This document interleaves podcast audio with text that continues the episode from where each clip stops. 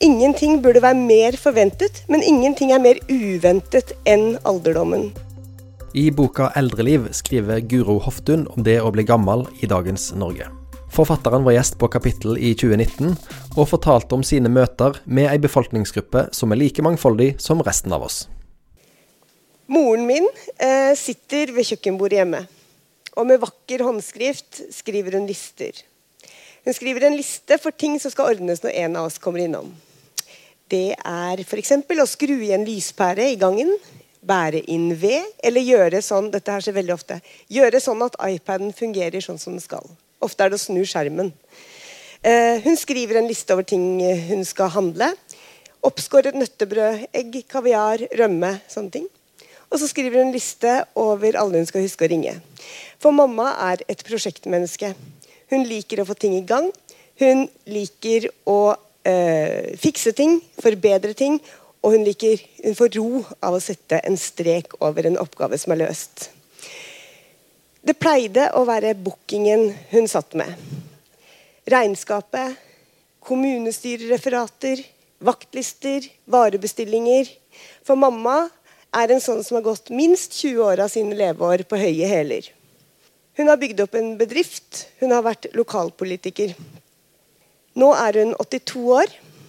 Hun har et ungt hode og en innebygd eh, rask takt i kroppen. Men hun er fanget i en gammel dames kropp. Og hun glemmer det selv noen ganger. Som da hun sprang over uh, gulvet i svømmehallen og hekta foten i en sånn matte og gikk rett i gulvet og brakk armen. Men jeg tror ikke at jeg for alvor forsto at mamma var blitt gammel før den dagen hun spurte om jeg kunne være med henne til legen. Du må være med og prate med legen, Guro, sa mamma. For det virker som han ikke forstår alvoret. Han hører ikke etter hva jeg sier. Mamma, hun som gjennom 70- og 80-tallet ikke først og fremst snakka om feminisme til meg, men som viste hva det virkelig handler om i praksis. Å ha en karriere utenfor kjernefamilien, skape noe, engasjere seg og heve stemmen. Og nå er hun fysisk skral, men like oppegående i sin evne til å argumentere. Og så skal ikke hun bli tatt på alvor. Skal ikke hun bli hørt? Hun føler at legen ikke lytter. Hvorfor? Fordi hun er gammel? Fordi hun er skral i kroppen? Så jeg sa det blir feil, mamma. Er det én ting du kan, så er det å prate for deg. Om armen er blå, kroppen verker, og beina dine svikter, så skal jo legen høre på hva du har å si. Uh, stå på krava, var liksom min beskjed til henne. Jeg ble ikke med til legen. Jeg synes det ble helt feil. Simone de Beauvoir skrev om fremmedgjøring av eldre i boka 'Alderdommen'. Og Hun mente at alderdommen er en skammelig hemmelighet det er uanstendig å snakke om. Vi skal alle dø, og det tenker vi på og mange blir gamle, men ingen ser for seg denne utviklingen. Ingenting burde være mer forventet, men ingenting er mer uventet enn alderdommen. Og det er så lett å være midt i livet og sette opp et skille mellom de eldre og oss. De historiene vi liker best, er jo om de sprekeste blant oss. Dronningen, f.eks. Hun som går i fjellet, som er aktiv og lett på fot. Hun inspirerer. Sånn vil vi bli vi som er i 40-50-åra. Eller Olav Thon, som aldri gir seg, som trekker på seg den røde lua si og drar på kontoret for å skape mer, bygge mer, planlegge mer. Sånn vil vi bli. Selv om vi veit at det ikke er alle forunt å være friske gjennom alderdommen. Ikke engang kongen forskånes. Kreften kan ramme selv han. Jeg er et halvt år unna 50 nå, eh, når denne boka her gis ut. Og jeg kjenner jo at aldringen melder seg. Og jeg veksler mellom å akseptere det og å stritte imot. Men jeg veit det jo. Er jeg heldig, er jeg en gammel dame om 30 år. Har jeg flaks og i tillegg kommer i gang med den styrketreningen som jeg hele tida prøver å komme i gang med, så kan jeg håpe på en frisk alderdom. Likevel klarer jeg ikke fullt ut å forholde meg til mitt eldre jeg. Å leve er å eldes. Eldrepolitikk angår derfor ikke bare de som er gamle, men i høyeste grad vi, eller folk flest. Vi som er midt i livet. Vi som er middelaldrende i dagens Norge, bør ikke late som om det ikke handler om oss. Om kun få år er vi de eldre. Og det er dystert, men ikke dystopisk. Det kan være at det er jeg som sitter på et hjem om noen år og trenger hjelp til å gå på do. Du kan være han som virrer i gangen og ikke finner tilbake til rom 603. Og jeg er kanskje hun som sitter i en rullestol ved heisen og spør uh, om jeg skal hjem, og at jeg lengter etter hesten jeg hadde da jeg var barn. Men forestillingsevnen vår strekker ikke til. Vår egen skrøpelighet, vår egen alderdom, virker umulig å ta inn over seg. Er det derfor det er så vanskelig å få til en velfungerende eldreomsorg i verdens rikeste land? Alderdommen i Norge har endra seg vesentlig de siste tiåra. Og vi liker å si at vi er spreke lenger og lever lenger. Men selv om vi blir eldre, så er det ikke gitt at vi blir friskere. Sykdommene ser ut til å ramme omtrent i samme alder som tidligere. Så vi kommer til å leve lenger med sykdommene. Vi kommer til å eh, fremtidens eldre kommer til å leve flere år med sykdom og flere år med behov for behandling og pleie. En av dem jeg forteller om i boka mi, er Per. Jeg har hatt møte han rom, med han på rommet hans på Romsås sykehjem, nederst i korridoren der. Og Inne på rommet hans er det bilder av kong Olav. Og det er et bilde av Per i en staselig uniform der han eh, bukker dypt og hilser på pave Johannes Paul. Han har en eh, staselig uniform med masse beviser, eh, skinnende beviser på sin stilling og rang. Per var plassmajor på Akershus festning. Han har vært eh, prinsesse Astrids sekretær og kong Olavs adjutant. Og i ti år var han kansellisjef for St. Olavs orden på Slottet. Per var en som betød noe. Han hadde viktige roller på så mange arenaer. Så kom alderdommen. Først ble kona syk. Hun ble dement, infam. Uh, gikk han på butikken, så kunne hun ringe ham tolv ganger. Så i det mista han eh, mye av eh, frihet. Uh, Bl.a. Friheten til å spille golf eller curling med gutta. Og da kona døde, så var han utslitt i kroppen selv. Og Per lot meg komme inn på det rommet, og han åpna opp om den depresjonen som ramma han da alderdommen kom. Rett og slett fordi alderdommen førte for mange tap med seg. For han som hadde hatt full kontroll, han hadde ikke lenger kontroll på seg selv engang. Han var ikke noens major, ikke konas mann, ikke barnas store, sterke beskytter. Mange av vennene var døde. Andre hadde fremdeles helse til å fortsette med curling, mens Pers kropp orket ikke mer. Føler du fortsatt at du er en major i livet? spurte jeg han. Nei. Mitt svar til det er definitivt nei, sa Per. Og så har jeg snakka med Sissel Berdal Haga og Olav Thon, dere vet det fargerike paret som gifta seg nå nettopp. Eh, et brudepar med en samlet alder på 175 år. Eh, og Sissel eh, siterer gjerne sin mor, som alltid sa det verste med å bli gammel, det er at det ikke stilles krav til deg lenger. Og hun vet det, at hun og Olav er spesielt heldige.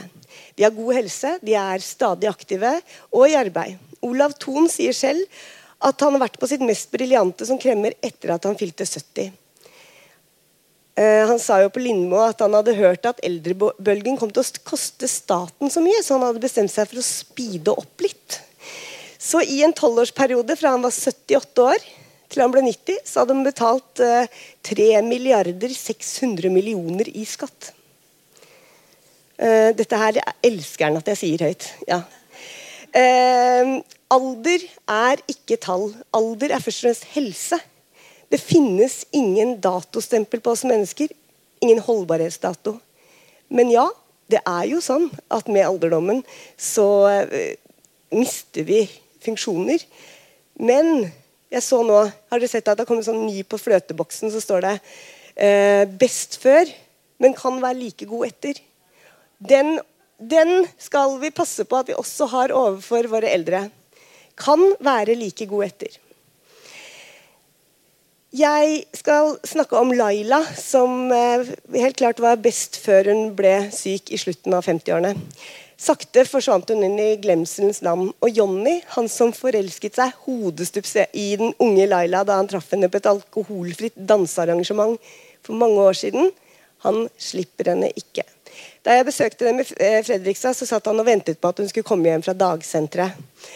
Og på veggen hang brudebildet av det flotte paret. De som pleide å danse Quickstep, cha-cha-cha, rumba og engelsk vals. Nå sitter Laila i rullestol. Hun kan ikke snakke, hun kan ikke spise selv. Hun trenger hjelp til alt stell. Hjemmesykepleien kommer innom hver morgen, hver eh, ettermiddag og hver kveld. Og Jonny har ført liste over alle som kommer innom. I en femårsperiode har det vært over 200 forskjellige pleiere innom. Men da jeg var der, så kom Katrine, en av de faste pleierne.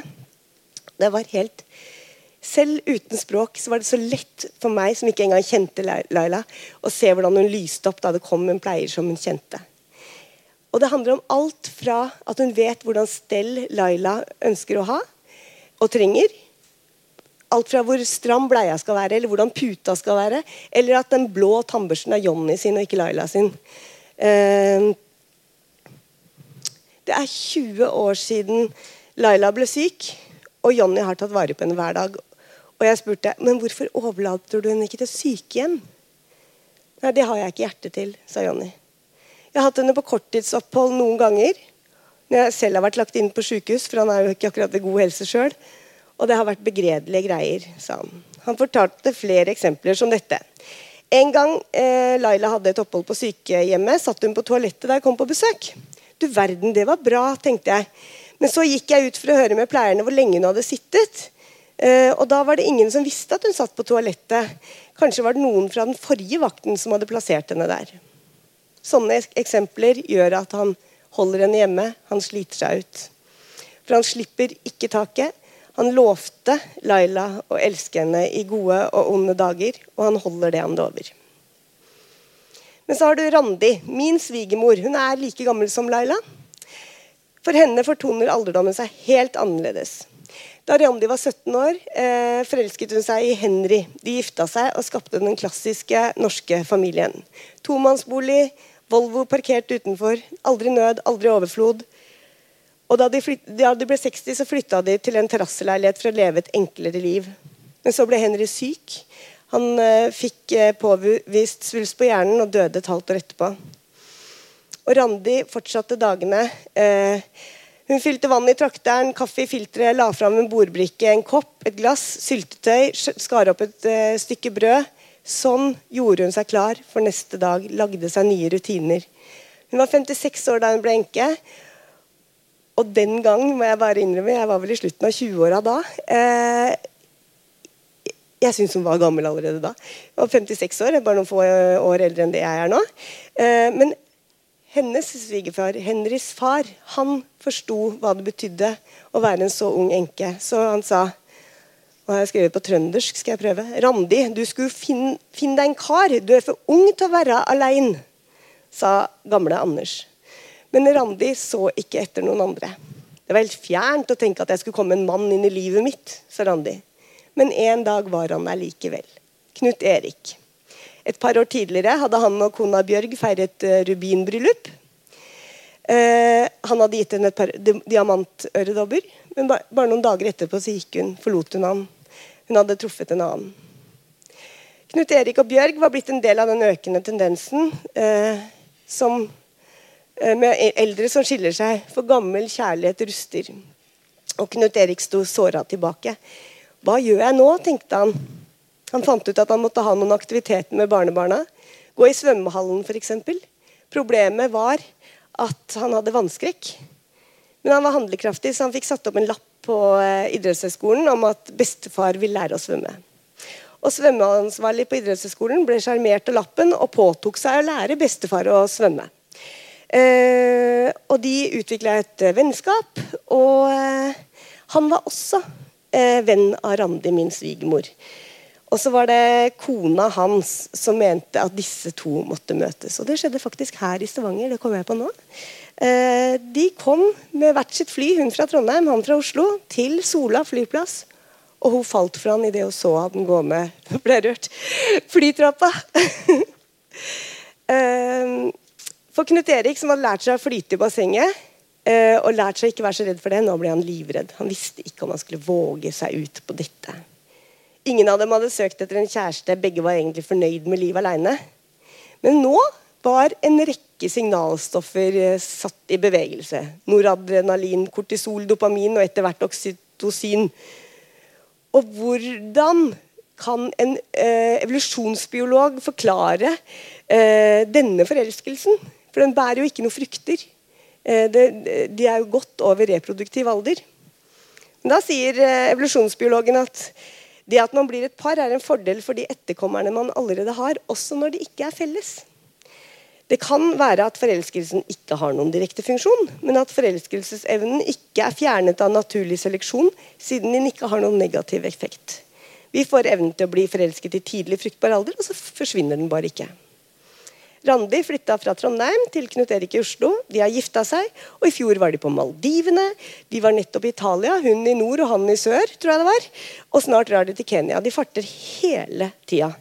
Eh, og Knut Erik sier aldersbegrepet flytter seg. Det er det gode ved livet.